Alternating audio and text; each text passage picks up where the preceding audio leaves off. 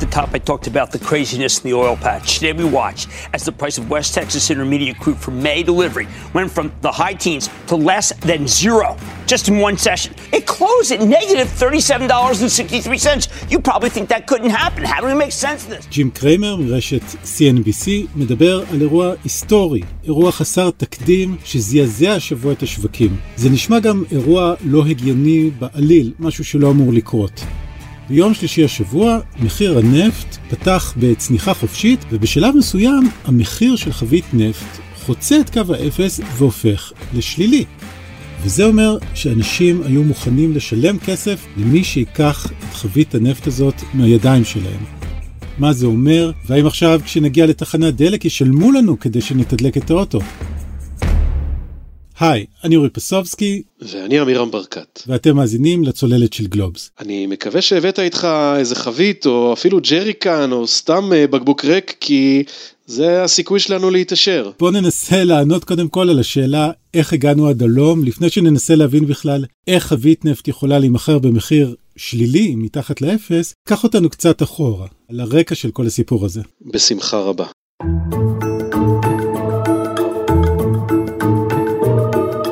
חשוב שנבין בעצם מי הם השחקנים, מה בדיוק קורה כאן.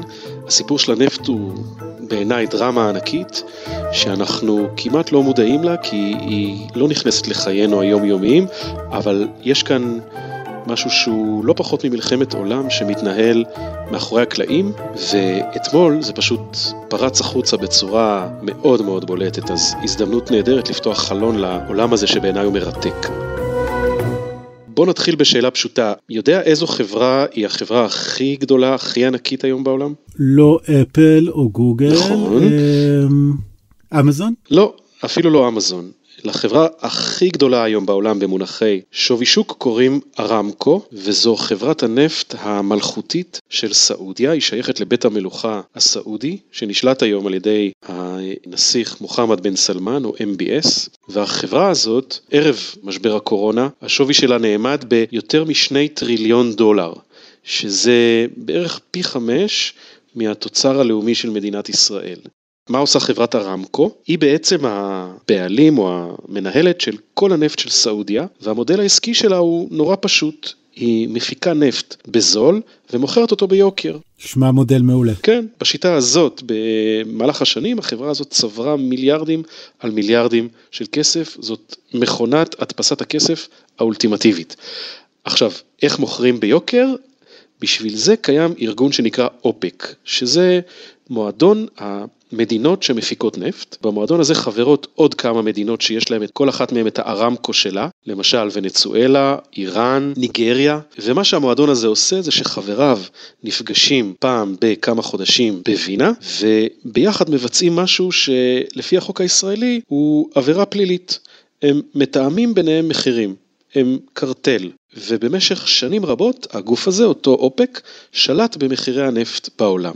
לצד אופק אנחנו חייבים לציין עוד כמה חברות ענקיות, אה, למשל אקסון אה, מוביל או רויאל דאט של, חברות מערביות שאומנם לא היו שייכות לקרטל אבל נהנו מסוג מסוים של שיתוף פעולה איתו, ועובדה שהם לא אתגרו את רמת המחירים שאופק קבע, כי בסך הכל המחירים הגבוהים היו נוחים לכולם. הייתה פה חגיגה בעולם הזה. במקרה יצא שגם הם מכרו במחיר דומה. נכון, נכון, היה להם סיפור נהדר, הם קדחו נפט בכל מיני מקומות אקזוטיים, באוקיינוס הארקטי, מתחת לים, אז תמיד הם יכלו להגיד שזה עולה להם המון כסף, ולכן הם נאלצים לגבות מחיר נפט גבוה, אבל בשורה התחתונה המחיר הזה היה נהדר לכולם, וכולם פשוט חגגו. זאת הייתה תקופת הענקים בשוק הנפט.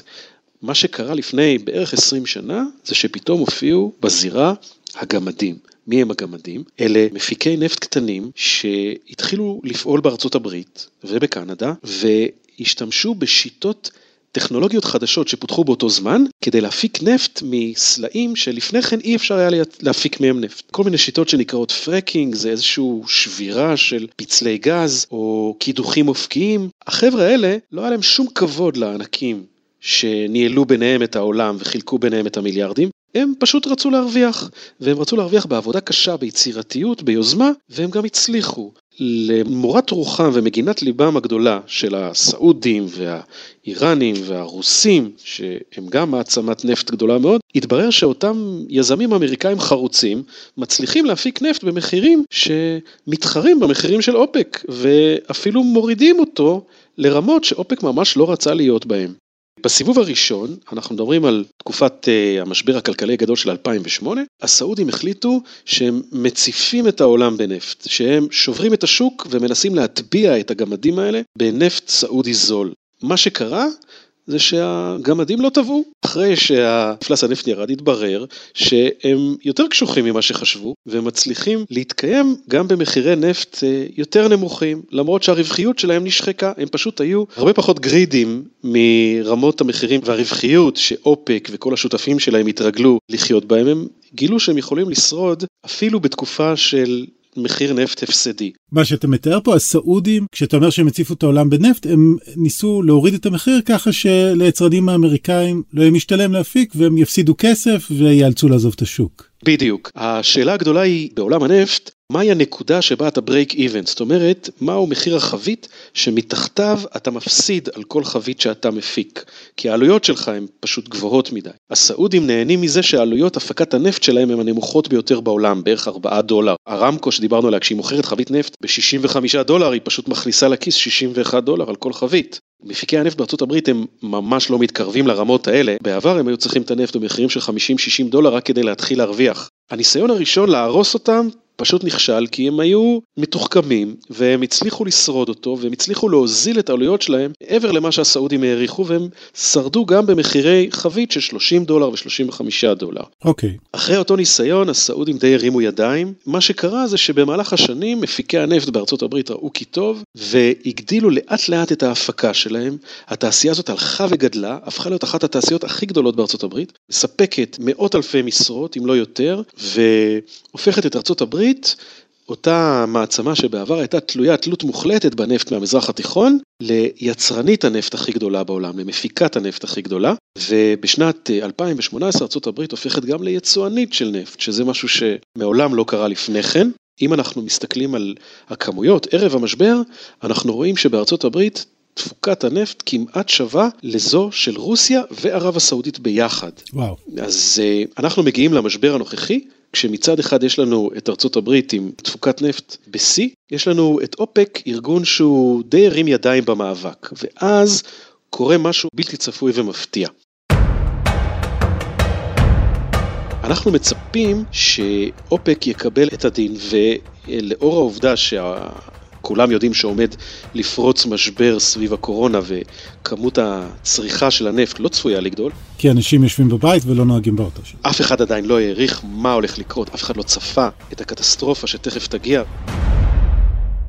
הציפייה הייתה שאופק יגיע לאיזשהו הסכם עם רוסיה שהיא מפיקת הנפט הגדולה השלישית, של צמצום כמויות הנפט שמפיקים. זאת אומרת, יורידו את כמות הנפט וככל שכמות הנפט תפחת, המחיר יעלה בכללי היצע וביקוש פשוטים. אוקיי. Okay. מה שקורה הוא שבגלל איזשהו ריב בלתי צפוי בין נשיא רוסיה, ולדימיר פוטין, ואותו מוחמד בן סלמן MBS, המשא ומתן מתפוצץ, וכל צד אומר, אתם חושבים שאני אמצמץ קודם, אני אוכיח לכם שאני לא אמצמץ, אני לא אהיה צ'יקן. משחק צ'יקן סעודי רוסי בעצם. בדיוק, על שוק הנפט העולמי. ובמקום לצמצם את מכסות הנפט, כפי שכל קרטל טוב עושה, רוסיה וסעודיה מגדילות את תפוקת הנפט שלהם כדי לראות מי מהשתיים תישווה ראשונה, למרות שלשני הצדדים ברור שבמשחק הזה יש רק מפסידים. מה שקורה, מחירי הנפט מתרסקים.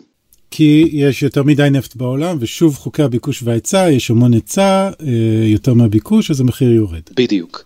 וכל זה קורה במערכה הראשונה של אותה הצגה, שמגיעה לשיא שלה בקריסה הגדולה של אתמול בשווקים, אותה צניחה מטורפת של הנפט למחוזות הש... המחיר השלילי, שזה משהו שלא קרה בהיסטוריה. אז הנפט יורד בבת אחת מאזור ה-50-60 דולר לחבית לאזור ה-30-20 דולר לחבית, מחיר שנמוך בערך ב-50% ממה שהוא צריך להיות לפי כללי הקרטל, אבל עדיין עוד אפשר איכשהו להסתדר איתו. אוקיי. Okay. מה קורה אז? מה שקורה הוא שמגפת הקורונה בעצם מתפשטת החוצה מעבר לגבולות סין, מתפשטת לכל העולם, mm-hmm. ומכניסה את כל הכלכלות הגדולות במערב ללוקדאון, או סוג של השבתה. עוצר, סגר, אנשים לא יוצאים מהבתים, מפסיקים אה, להשתמש בכלי הרכב הפרטיים, המפעלים מושבתים, החנויות, הקניונים, צריכת הנפט פשוט מתרסקת, וזה עוד לפני שהזכרנו את חברות התעופה, אחד מצרכני הנפט הכי גדולים. בעצם mm-hmm. ההשבתה של הטיסות בעולם מרסקת את מחיר הדלק הסילוני שבשימוש המטוסים אה, ומקטינה את הצריכה שלו בכמעט 70 אחוז, בזמן שהצריכה של הבנזין לכלי רכב נחתכת ב-50 אחוז. אלה מספרים שלא ראינו אף פעם בהיסטוריה, כולל בתקופות של מלחמות עולם ומשברים כלכליים קטסטרופליים קודמים. אף פעם לא קרה שהעולם המערבי היה פשוט מושבת מפעילות. מה זה אומר בעצם? זה אומר התרסקות של הביקוש לנפט. אמ, הביקוש לנפט העולמי גדל כמעט בכל שנה אם אנחנו מסתכלים אחורה 20-30 שנים, אנחנו רואים אולי שנה אחת או שנתיים, שבהם הביקוש הזה דשדש או אפילו ירד קצת, למשל בשנת 2008, שיא משבר האשראי העולמי, הייתה ירידה מסוימת בביקוש לנפט של כמה מיליוני חביות. אבל מה שקורה עכשיו זה משהו שלא קרה מעולם. התחזיות הנוכחיות של הסוכנות הבינלאומית לאנרגיה, הגוף המקצועי ביותר שעוקב אחר אה, מחירי הנפט, מדברות על כך שכמות הנפט שהעולם יצרוך השנה תהיה נמוכה ב-30% מהכמות שהייתה צפויה קודם. אנחנו מדברים על פחות 30 מיליון חביות שהעולם יצרוך ביום, במקום סדר גודל של בין 90 ל-100 מיליון חביות, שזה כמות הנפט שהעולם צורך, העולם יצרוך בסביבות 60 מיליון חביות, וזאת התרסקות שאף אחד לא צפה. בעצם אנחנו מדברים על עודף תפוקה של 30 מיליון חביות ליום. תחשוב על הכמות המטורפת הזאת.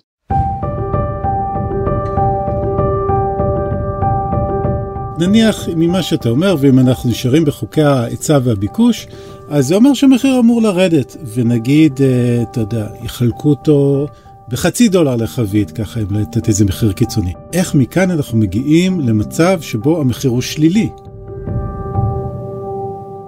עוד לפני כן, אני חוזר לשני החברים שלנו, האדונים פוטין ו-MBS. באיזשהו שלב הם מתפכחים, מבינים שהם עשו טעות פטאלית שתגרום נזק אדיר, בעיקר לכלכלות של סעודיה ורוסיה, uh-huh. ומחליטים אה, לרדת מהעץ. אה, ארגון אופק מתכנס, ו... מקבל החלטה על קיצוץ של עשרה מיליון חביות ליום, שזה אחד הקיצוצים הכי דרסטיים שהם קיבלו, ועדיין יום למחרת מחירי הנפט יורדים, כי כפי שאמרנו קודם, זה לא מספיק. אנחנו בעודף של 30 מיליון חביות ליום. כלומר, הורידו 10, היו 30 יותר מדי, הורידו 10, נשארנו עם 20 מיליון חביות יותר מדי. נכון. אז כפי שאתה אומר, במקרה כזה לא היינו צריכים להגיע לטריטוריה שלילית, אבל מה שקורה הוא שאם במצב נורמלי היינו צריכים לכבות את המתג שמפעיל את המשאבות, ותפוקת הנפט הייתה נעצרת לחלוטין, בפועל, בעולם הנפט, זה בלתי אפשרי. וכאן אנחנו חוזרים לאותם אה, חברים שלנו מהפרק הראשון, הגמדים האמריקאים, אותן עשרות אם לא מאות חברות קטנות שמתעסקות בהפקת נפט. Mm-hmm. מה שמתברר הוא שהחברות האלה, אותם יזמים, לקחו הלוואות מהבנק בשביל לממן את ההשקעה הראשונית בקידוח הבאר. את ההלוואה הזאת הם צריכים להחזיר. מכיוון שהבאר כבר עובדת והמשאבות עובדות, העלות של התפעול היא הרבה יותר נמוכה. אז מבחינתם, באינטרס האישי שלהם, הם יותר מודאגים מהריבית שהם צריכים לשלם לבנק מאשר מהאפשרות שייווצר עודף נפט, ולכן הם ממשיכים להפיק נפט, כי הם צריכים לשלם את הריבית לבנק. אז גם אם הם מרוויחים עליו פחות, או אפילו מפסידים, כל עוד יש להם הכנסה שוטפת, הם ממשיכים להפיק. עכשיו, חלק מאותם יצרנים גם יותר מתוחכמים, הולכים וקונים חוזה גידור, שזה אומר שהם מבטיחים שהמחיר שהם יקבלו על הנפט לא יפחת מרמה מסוימת. אתה יכול לעשות את זה בארצות הברית. סוג של, סוג של תעודת ביטוח כזאת על ירידה במחירים. בדיוק. אז יש לא מעט יצרנים שיודעים ש-50% מהחביות שהם יפיקו, הם יקבלו תמורתן 50 דולר לחבית, לא משנה מה יהיה מחיר הנפט, אז מבחינתם משתלם להמשיך ולהפיק. אז התוצאה היא שיש לך בארצות הברית תעשייה שלמה שממשיכה לייצר נפט, למרות שאף אחד לא צריך אותו. אז מה קורה בעצם? מה שקרה בהתחלה זה שהיו כמה גורמים שהיו צריכים נפט וניצלו את המחירים וקנו נפט. הסינים למשל, שהתאוששו וכנראה בין הראשונים לצאת ממשבר הקורונה אצלם, רכשו כמויות גדולות של נפט. מה שקרה אחר כך זה שהנפט פשוט נאגר בכל מיני מאגרים. יש מאגר אחד ענקי במקום שנקרא קושן באוקלהומה של 100 מיליון חביות נפט. המאגר הזה התמלא. פשוט מכלים שיושבים באוקלהומה ומתמלאים בנפט? בכל העולם, מה שקורה זה שמאגרי נפט מלאים לחלוטין. ולא רק הם, אוניות בכל העולם, מאות ואלפי מכליות התמלאו בימים האחרונים, בשבועות האחרונים, בנפט. אנחנו ראינו איזושהי הערכה שרק בשבועיים האחרונים סוחרים ובעלי אוניות דחסו כמות נפט ששווה ל-80 מיליון חביות נפט לתוך אוניות, כי אוניות יכולות להיות מאגרים צפים. אבל מה שקורה זה שבקצב הרבה יותר מהיר מכפי שאף אחד צפה, כל המאגרים הולכים ומתמלאים, ואנחנו מתקרבים מאוד לרגע שפשוט לא יהיה איפה לאגור נפט. מה זה אומר? זה אומר שמי שיש לו היום יכולת אגירה, יכול לדרוש הרבה מאוד כסף בשביל לשמור על הנפט הזה, כי אי אפשר לשפוך את הנפט פשוט ככה על הקרקע. עכשיו אנחנו מגיעים למה שקרה ביום שני, 20 לאפריל, mm-hmm. אחרי שמתפרסמות במהלך סוף השבוע ידיעות על כך שהמאגר הזה בקושין, שהוא באמת המאגר האולטימטיבי של הנפט, לראשונה בתולדותיו עומד להתמלא בתוך שבועיים ולא יהיה מקום להכניס בו טיפה אחת של נפט. אה, הידיעה הזאת מכניסה ללחץ את כל הסוחרים בשוק הפיננסי שמתעסקים בחוזים על הנפט. למשל היום, אם אתה אולי מכיר, כל אחד מאיתנו יכול לרכוש תעודת סל בשם USO, שהמחיר שלה עוקב אחר מחיר הנפט לאספקה מיידית. Mm-hmm. התעודה הזאת, מה שהיא עושה, ברגע שאתה קונה אותה, היא הולכת וקונה אה, חוזה נפט לאספקה מיידית. מי שמחזיק בחוזה הזה, בעצם מחזיק במשהו שהוא שווה למחיר חבית נפט. מה קורה בסוף החודש? אם אתה ממשיך להחזיק בחוזה, הוא פוקע, וזה אומר שאתה מקבל ליד נפט ואתה צריך לאחסן אותו. מה שקרה ביום שני ה-20 לאפריל, יום לפני מועד הפקיעה של חוזי הנפט לאספקה במאי, שפתאום מתברר לאנשים שהם מחזיקים באותם חוזים שהם לא מצליחים למכור אותם כי אף אחד לא רוצה את הנפט שלהם. כלומר, היה אנשים ש... שרצו לעשות איזו השקעה פיננסית, כלומר, לא היה להם איזה כוונה מיוחדת לקנות לעצמם חבית אה, נפט לשים בסלון, אלא רצו להשקיע אה, באיזושהי סחורה, מה שנקרא, ופתאום הם מגלים שלא מסוגלים למכור את התעודת סל שלהם, או ש... אתה יודע, זה קצת יותר מורכב כמובן, אבל פתאום הנכס הפיננסי הזה, כלי ההשקעה, עשוי להפוך למשהו מוחשי, חבית נפט שהם יקבלו, כי הם לא יצטרכו למכור אותה. בדיוק, פתאום הם מבינים שהם באמת יצטרכו להתעסק עכשיו עם, עם נפט שהם יצטרכו לאחסן אותו איפשהו, ואין להם מושג מה לעשות עם הדבר הזה, אבל הם חייבים למכור, אם הם לא רוצים להגיע למצב הזה, והם שומעים שאין איפה לאחסן היום נפט, הם חייבים להיפטר מהחוזים שלהם mm-hmm. בכל מחיר, ולכן אנחנו ראינו שבתוך פרק זמן של שעות, אולי חמש שעות, מחיר הנפט צולל מ-10 דולר למינוס 40 דולר. Mm-hmm. אנחנו ראינו בתוך חמש שעות ירידה של 50 דולר במחיר של חוזה לאספקת נפט בחודש מאי, שזה משהו שכמובן לא זוכרים בתעשיית הנפט. התופעה הזאת היא אה, מה שמכונה בהגה המקצועית קונטנגו, ומה שקרה באותו יום, ב-20 לאפריל, הוא הקונטנגו הכי גדול שקרה אי פעם בהיסטוריה של שוק הנפט. זה משהו שהוא לא מחזיק מעמד יותר מדי זמן.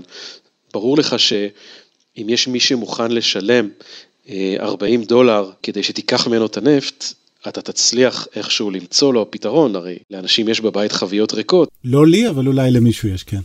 המחיר הזה לא יחזיק מעמד הרבה זמן, אבל אנחנו כבר רואים תופעה דומה בחוזים לאספקת נפט לחודש יוני, שעד אתמול נסחרו במחיר של 22 דולר, החל מהיום השוק כבר עובר לחוזים האלה, הם הופכים להיות החוזים לאספקה מיידית, ואנחנו כבר רואים שגם המחירים שלהם מתחילים לרדת. זאת אומרת, אם השוק ציפה שמחיר הנפט יתאושש בתוך חודשיים, שלושה, ארבעה חודשים, אנחנו רואים שהמחיר לא הולך להתרומם מהשפל שהוא הגיע אליו, כנראה חודשים ארוכים. ואנחנו רואים את זה דרך המחירים של החוזים העתידיים. אמירם, אתה יודע, דיברת על המקום הזה באוקלהומה, שיש שם חוות מכלים ענקית. אנחנו, למי שלא, מי שצריך רענון בשיעורי הגיאוגרפיה, אנחנו לא באוקלהומה, אפילו לא קרוב. איך הסיפור הזה משפיע על מחיר הנפט בישראל? גם אנחנו יכולים לקבל כסף אם רק ניקח את הנפט וכולנו הולכים לתדלק בחינם? כן ולא. נתחיל עם הלא. בעצם, מה שקרה בארצות הברית הוא אירוע חסר תקדים, אבל הוא נבע מסיבות פיננסיות שעכשיו תיארתי. הנפט שלנו לא נסחר בבורסה בצורה דומה. אנחנו קונים את הנפט ממקורות אחרים, משוק אחר, והמחיר של הנפט שלנו נקבע בבורסות אחרות, הוא נקרא נפט מסוג ברנט, mm-hmm. ורובו מופק בכלל בים הצפוני, ולא בארצות הברית. עכשיו, המצב בים הצפוני הוא פחות דרמטי ממה ש...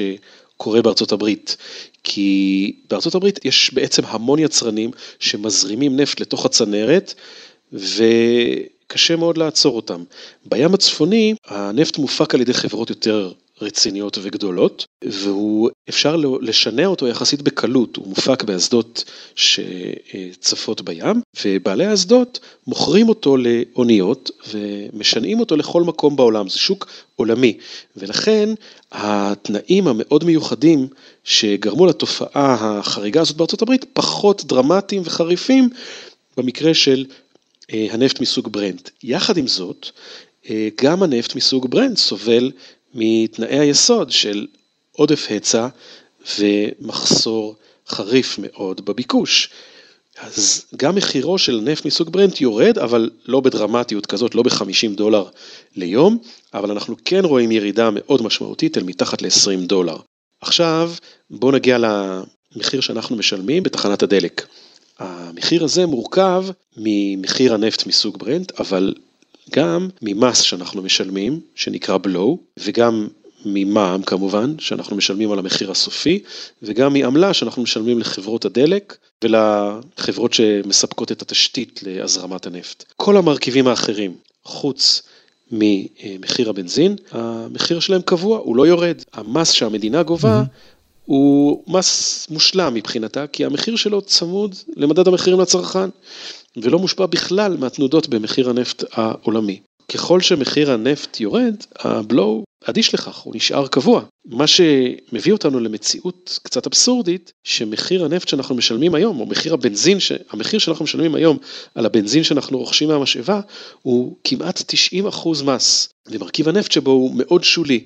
מתוך, אם אנחנו מסתכלים על המחירים אה, של הבנזין לחודש אה, אה, אפריל, אז אנחנו מדברים על 4 שקלים 89 אגורות, מתוכם הרכיב של הנפט הוא בסך הכל 54 אגורות. זאת אומרת שאם אנחנו נגיע למצב שהברנט יגיע לאפס, אנחנו נראה הוזלה במשאבה של לא יותר מחצי שקל.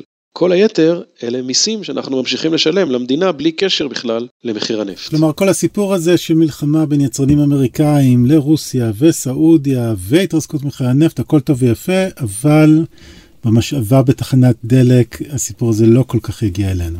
לא ממש מעניין אותה, נכון, ממש כך.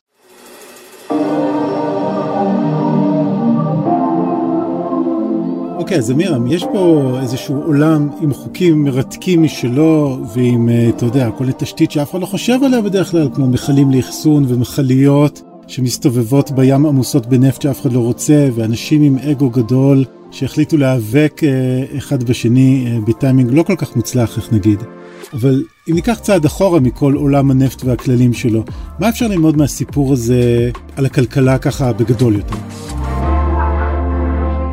אוקיי, okay, אז נגעת בנקודה מאוד חשובה, אורי, כי הנפט הוא בעצם סחורה, קומודיטי, אבל הוא גם אינדיקטור מאוד חשוב אה, לפעילות כלכלית, מכיוון שאת רוב הנפט לא אוגרים ולא מאחסנים, אלא משתמשים בו, ולכן אם הביקוש לנפט יורד, זה אומר לנו משהו על מצב הכלכלה. אז אם אנחנו דיברנו על, על ירידה של 30% בביקוש לנפט, ירידה ש... לא זכורה כמוה בהיסטוריה, אז אנחנו נמצאים כנראה גם במשבר כלכלי שכמוהו אה, כנראה לא היה עשרות שנים, ולכן הפרשנים הכלכליים כשהם קוראים את, ה, את כל הסיפור הזה, ביניהם זאת אינדיקציה מאוד מטרידה למה שקורה בשווקים. מצד שני, מסתכלים על המחירים של המניות ושל איגרות החוב, של השווקים הפיננסיים, והם רואים שהמצב שם לא כל כך גרוע, אמנם הייתה התרסקות, אבל אם ניקח למשל את אה, מדד ה-S&P 500, שהוא המדד המוביל למדד המניות, שהבנצ'מרק אולי העולמי למצב השווקים, אנחנו רואים שבשבועיים האחרונים אנחנו זיהינו שם עלייה, הוא עלה בכמעט 26% מהתחתית שהוא הגיע אליה. כן. הוא חזר בעצם לרמה שהוא היה בה לפני אה, יולי, והרבה אנליסטים אמרו שאולי זה מעיד על כך שהשוק כבר צופה את הסוף של המשבר הזה. אז עכשיו אנחנו שומעים פרשנות אחרת לגמרי, שבאה ואומרת, תשמעו, מה שאנחנו רואים במדדים, בבורסות, זה לא המצב האמיתי של הכלכלה, מה שאנחנו רואים שם זה בעצם עיוות מחירים שנגרם בגלל שבנקים מרכזיים בעולם, כמו הפד, פשוט התחילו לשפוך כסף בכמויות עצומות אה, ולקנות לא רק איגרות חוב ממשלתיות, אלא גם איגרות חוב של תאגידים ואפילו איגרות, מה שמכנים, אג"ח זבל, זאת אומרת איגרות חוב שהסיכוי, אה, שיש סיכון רב שהחברה שהנפיקה אותם לא תוכל לפרוע אותם. עד כדי כך הבנקים מעורבים היום בבורסות, שאנחנו פשוט לא יכולים לדעת מה המצב בשווקים לפי המחירים שם. הם מציגים לנו תמונת מצב מעוותת ומנופחת, ולכן דווקא הנפט בא ומגלה לנו, מכיוון שהפד עדיין לא קונה נפט, אז הנפט הוא אינדיקטור הרבה יותר טוב למצב האמיתי של השווקים, והאינדיקטור הזה אומר לנו שהשווקים נמצאים, או הכלכלות של העולם, נמצאות במצב הרבה יותר גרוע מכפי שאנחנו חושבים. מי שרוצה לגלות את האמת אה, על מצב הכלכלה העולמית צריך לחפש אותה בתוך תחתית של חבית נפט. אני מצטער שזאת השורה התחתונה, אבל אתה יודע, יכול להיות שגם הנפט הוא, הוא לא בהכרח הנביא האולטימטיבי, ואני מקווה שנתבדה. עד כאן עוד פרק של אה, הצוללת. אם אהבתם את מה ששמעתם, אתם מוזמנים לעקוב אחרינו באתר גלובס, בספוטיפיי או באפליקציית הפודקאסטים האהובה עליכם. נשמח גם אם אה, תדרגו אותנו באפל פודקאסט או שתשלחו את הפרק בוואטסאפ לחבר שעוד לא מכיר אותנו. אתם מוזמנים גם לעקוב אחרי ניוזלטר אה, של גלובס שעושה קצת סדר בכל מבול החדשות שיש בימים אלה. אתם יכולים לחפש בגוגל גלובס ניוזלטר ותקבלו לינק להרשמה. תודה רבה לעורך הפודקאסטים רון טוביה ולכל צוות הצוללת. אני אורי פסובסקי. ואני עמירם ברקת. ניפגש בפעם הבאה, להתראות.